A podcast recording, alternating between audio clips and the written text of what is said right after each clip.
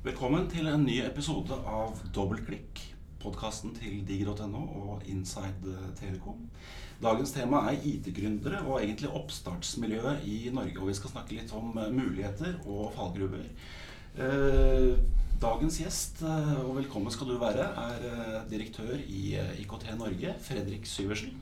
Takk for det. Takk for det. Hei, hei.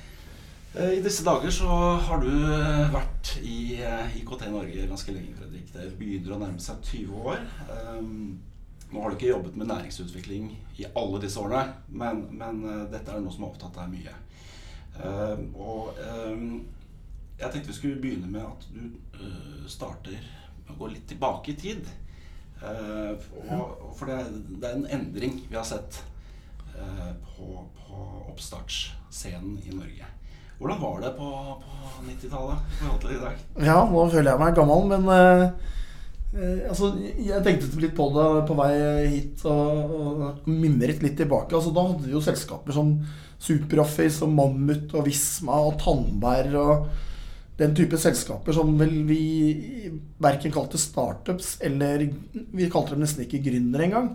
Det var selskaper som oppsto, eh, som henta penger i, med tilretteleggere som, eh, som Carnegie og Alfred Berg og og den type ting som liksom er ganske fremmede om dagen. Uh, og det var rett og slett en helt annen måte å, å tenke rundt oppstart på som uh, nå liksom nesten ikke Jeg vil ikke si komisk, men det er, liksom, det er et helt annet skjær over hele situasjonen. Det ble skapt en del store selskaper. Uh, noen av de er solgt og, eller slukt opp eller stykket opp. Eh, vi har ikke eh, fått de samme lokomotivene etter den gangen, mener du. Nei. Eh, og det har da gått type 15 år pluss. Ja. Hva, hva, tror du er årsaken til det? Det, har jeg lurt mye på. For alle de selskapene som jeg nevnte, og, og noen til, de klarte jo å vokse seg liksom fra ingenting, eller gründeren, til mange hundre ansatte. Software Innovation kan også nevnes i den sammenhengen. Eh, men jeg tror eh, en av tingene var at de var ikke, det var ikke WC-er på samme måte som det var i dag. Eller er i dag. Men WC så snakker vi om Altså eh, profesjonelle venture, kapit, ja, venturefond. Venturefond, ja. ja.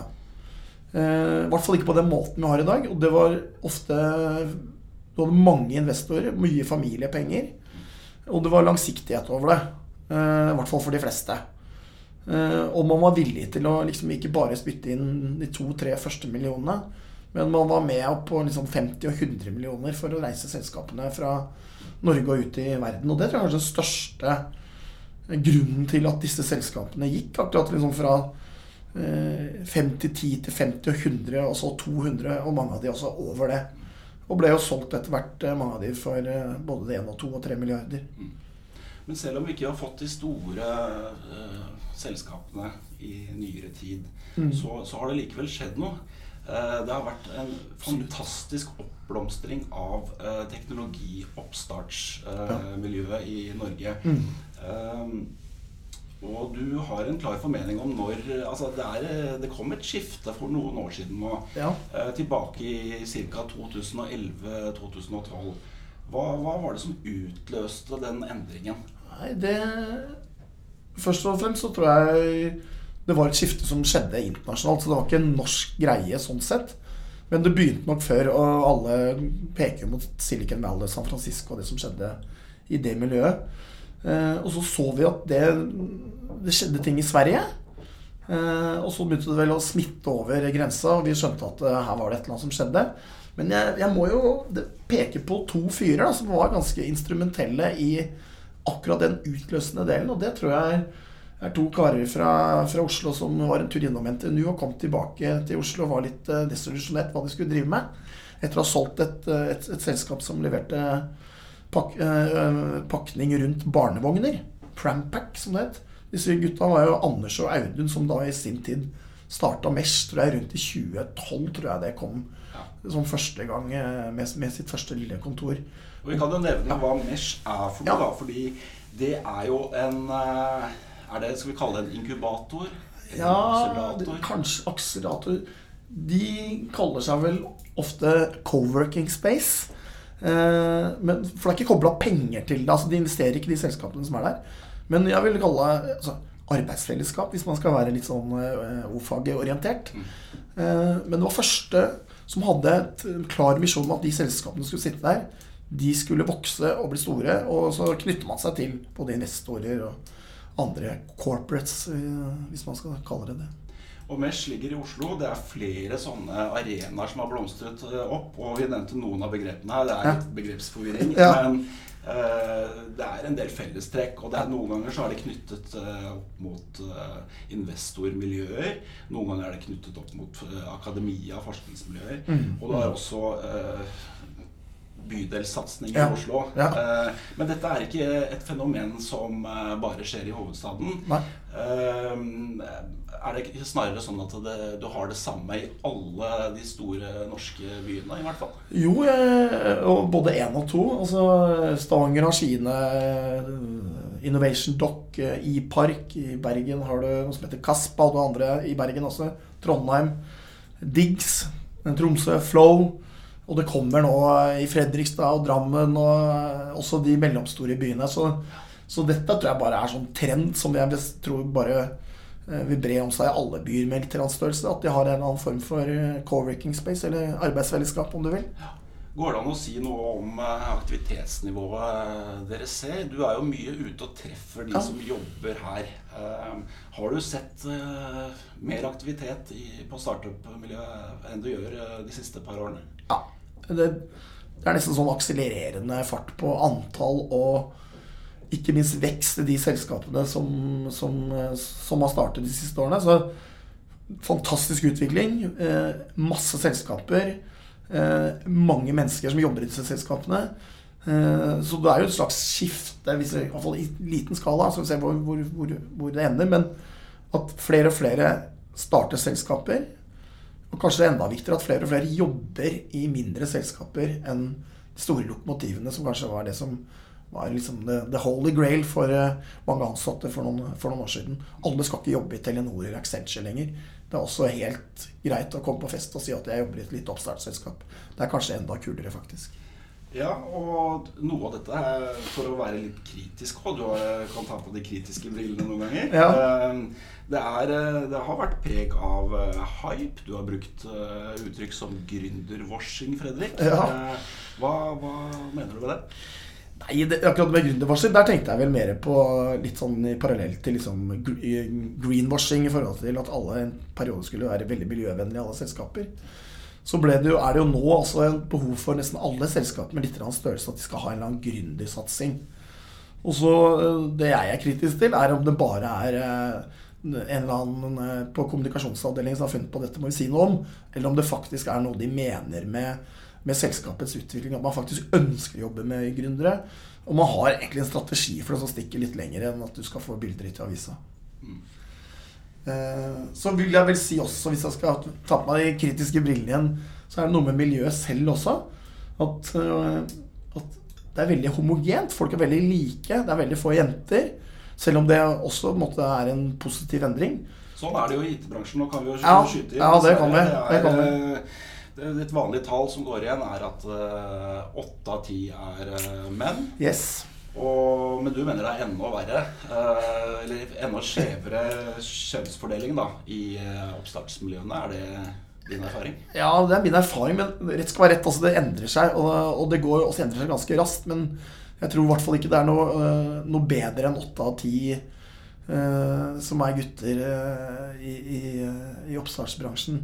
Og det står, som du sier, ikke så veldig mye bedre til i teknologibransjen. Det, det ikke, altså, de tingene henger sammen. Det er jo ofte disse tech-selskapene som, som er eh, flesteparten av de oppstartene som kommer nå om dagen.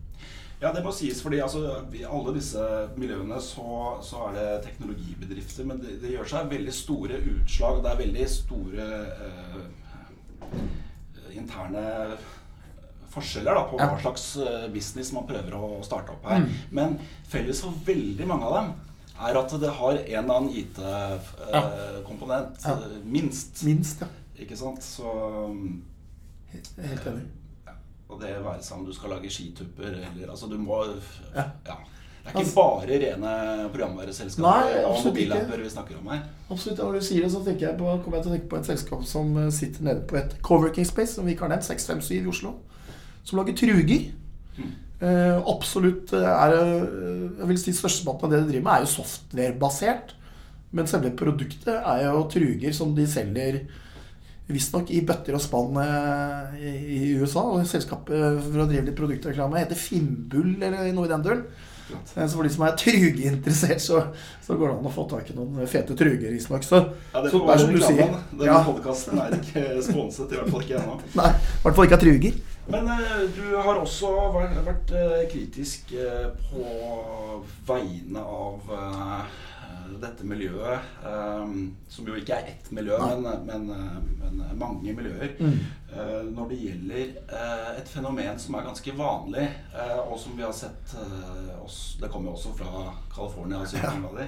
Disse konkurransene Ja. hvor unge, ofte lovende gründere og oppstartsselskaper skal konkurrere eh, for å komme på en eller annen plass Ja. eh, og få kanskje en premie. Ja. Eh, Hva, hva tenker du? Og det, det blir ofte kalt pitchekonkurranser, og da har man typisk veldig kort tid Ja. på å gjøre en sånn uh, Elevator pitch. Ja, ikke sant?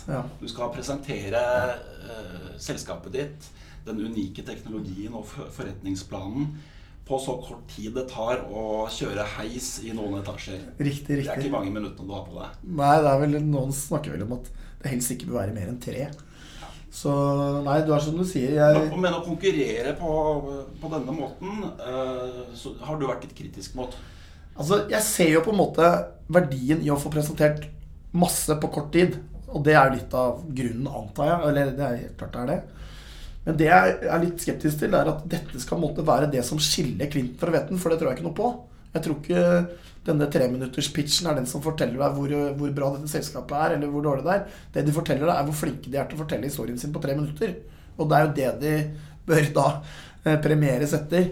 Og ikke etter at dette er et selskap som eh, fordi de vant en pitchekonkurranse, skal redde verden.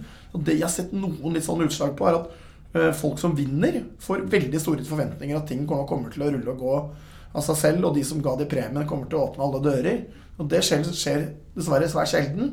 Og det andre som kanskje er like ille, er at de som taper, føler at det, det produktet eller den løsningen det jeg jobbet med i garasjen min eller på bakrommet eller på gutte- eller jenterommet, ikke er verdt noen ting. Men det er kanskje akkurat de folka som sitter på den løsningen, som, eh, som eh, har, har en kommersiell mulighet. Så det er mer enn at det, den både skygger for de som eventuelt har det beste, og at eh, det, det skaper litt, altså litt sånn falske forhåpninger for de som, de som vinner dette her. Og så er jeg pragmatisk nok til å skjønne at det, det er ikke sånn at det ikke kan ha det, men det er kanskje å være litt mer edruelig i forhold til eh, de som både arrangerer det, og de som er, er med på det. Ja, for det er klart Oppmerksomheten det gir, spesielt da til de som går av med seieren, eh, den er jo kjærkommen. Absolutt. eh, det er jo ikke sånn at man har veldig mye penger å rutte med Nei. til markedsføring og sånn i en eh, oppstartsfase. Nei, jeg klart det. Eh, ok. Um, vi skal snakke litt om uh, mulighetsrommet for uh, gründere. Um, det har jo skjedd mye der. Ja. Eh, de fleste har jo hørt om eh, Innovasjon Norge og Forskningsrådet og SkatteFUNN. Det er en rekke offentlige ordninger man kan søke for å få penger.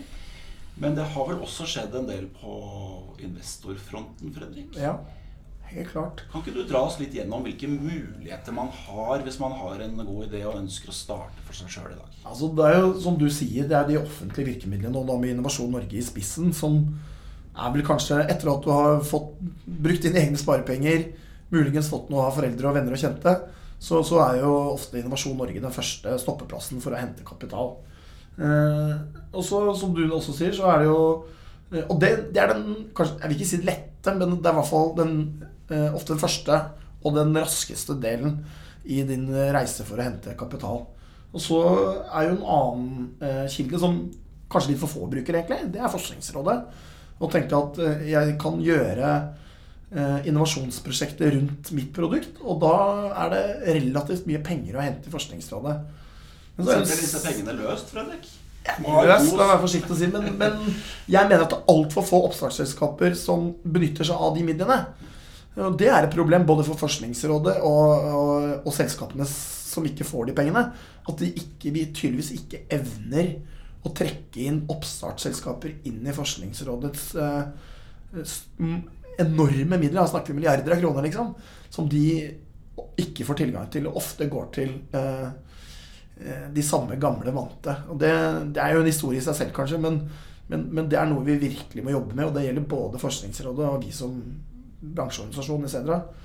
Men, men vi, vi, har ikke klart å, å få det til. Eh, og hvor ikke spor helt av, så går vi jo tilbake til den private delen. da. Eh, og der har det jo skjedd mye på eh, investorsiden. Det er kanskje den positive siden ja. av hypen også. Ja. At uh, det er blitt uh, mye mer oppmerksomhet rundt.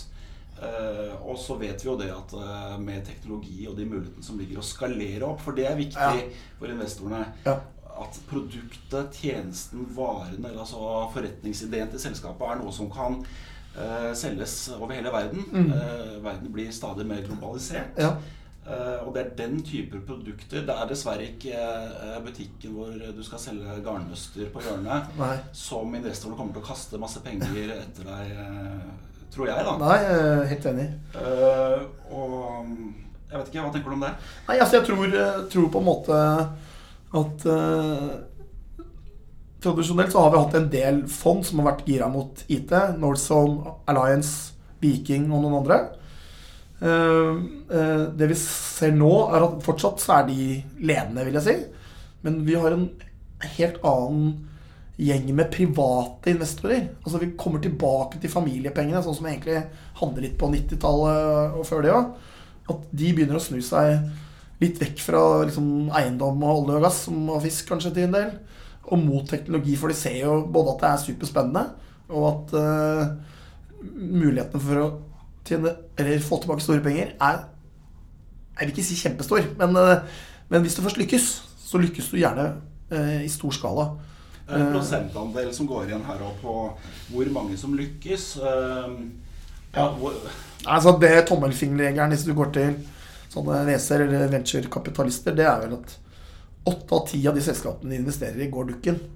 Det betyr jo da at de to selskapene som er igjen, de bør helst gå kjempebra for å dekke opp under de tapene du har hatt på de åtte første eller siste, eller hvilken rekkefølge man velger å si det.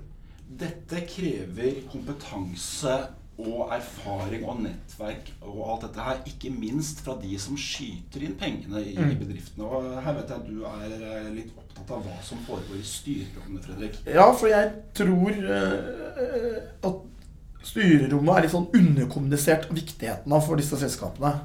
Det er der beslutningene tas. Det er de som henter pengene. Det er de som ofte peker retningen på selskapet.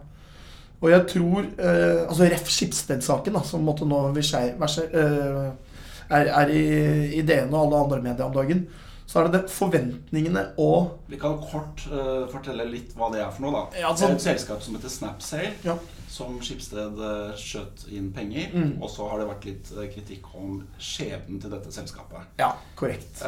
Det står jo mer i Dagens Næringsliv for de som er interessert i å lese om det. Ja. Det er litt trist da når, når unge lovende IT-selskapet går dukken, men ja. dette er jo nærmest en naturlov. Vi sier ikke det at Snapsale skulle gått dukken, men uh, i, uh, i 100 oppstartsselskaper så vil 80 stykker antageligvis ikke overleve mm. mange år. Mm. Nei, det, det, er jo du sier Og da trenger du kompetanse da, i styrerommet? Jeg tror ja, og det både for uh, selskapet, at du, du, har kompetente folk som kan måtte dra selskapet ditt videre. Uh, og da tenker jeg at det er viktig at man får de folka som skjønner markedet, skjønner produktet ditt. Og aller helst har vært ute en vinterdag selv. Og ikke nødvendigvis fyller opp styrerommene med, med, med eh, godt B-utdanna menn som aldri har vært en vinterdag annet enn å, telle eh, tellekanter på Excel-verkene sine. Altså, det er viktig, det òg. Misforstå meg rett. Tall og alt er helt avgjørende. Men, men eh, man, man, må søke å ha et styre som måte, er med på reisen fordi de har kompetanse til det. I den grad det er mulig.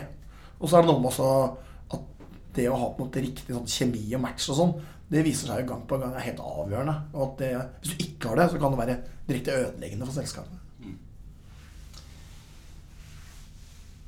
Fremover så er jo håpet og drømmen at eh, Norge skal finne nye eh, vekstselskaper og skape nye arbeidsplasser, eksportnæring.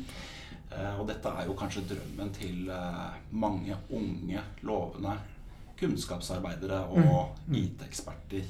Ja.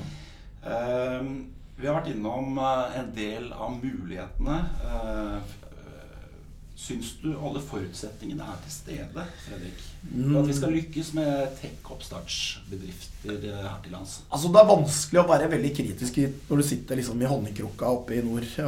Og det er vi jo. Så det, på en måte så er jo egentlig alle forutsetninger til stede for å lykkes, i og med at vi er liksom, verdens rikeste land. Vi har et sikkerhetsnett som gjør at det å ta risiko ikke nødvendigvis er så veldig risikofylt allikevel. Eh, hvis jeg skal peke på én ting som jeg mener politikerne kan gjøre noe med, så er det kjedelig nok. Altså opsjonsbeskatningen, rett og slett.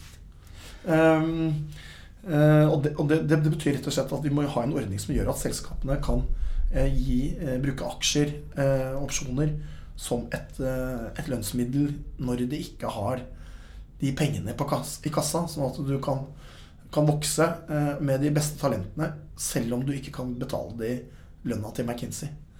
Så hvis jeg skal liksom be, be på mine knær om en endring fra politikerne, så er det at de må endre på den opsjonsordningen. Og vi hadde jo årskonferanse på fredag eh, forrige uke. Eh, og da hadde vi jo Erna og Jonas der. Og de, de lovte at de skulle gjøre noe med det. Men hva de skulle gjøre, svarer de dessverre ikke noe om. Men, men er, nå er det i hvert fall lov å håpe at det, det skjer et eller annet. Men, eh, men ellers så mener jeg vi har alle forutsetninger, egentlig. Og det er det som jeg syns kanskje også vi må nevne, det er, det er veldig mange som har lyst til å jobbe i Norge. Altså Det er masse talenter der ute som tenker at jeg har hørt bare positivt om det der landet. De har øh, Når de får barn, så er de borte et år og får lov til å, å være mor og far. De har pensjonsordninger, de har sikkerhetsnett, de har eh, frisk natur og grønne lunger og elbiler og alt det fantastiske som eh, vi, vi kanskje ikke snakker altfor mye om. Eh, så vi har egentlig alle forutsetninger for å være et land der de beste folka kunne tenke seg å jobbe. Eh, og så har vi noen, noen mindre, mindre bra, bra greier, og det er opsjonsordninga en av de. Men jeg vil ikke peke på skattesystemet og den biten her. Det, det er liksom Det er trade-offen eh, med de sosiale ordningene våre, og det tror jeg masse folk der ute syns er helt greit. Men akkurat den opsjonsordningen, det er en stumbleblock for folk vil gjerne være med på eh, paydayen hvis de klarer å ta et selskap fra 0 til 1000. Og de årene du har slitt og, og, og ikke fått noe lønn, så skal det være ok ok også på enden av reisen å kunne være med på når gevinstene skal utdeles. Så ja. Bra. Det var det vi hadde eh, tid til eh, denne, i denne omgang. Eh, Takk til deg, Fredrik. Tusen hjertelig takk. Og til lytterne våre på gjenhør.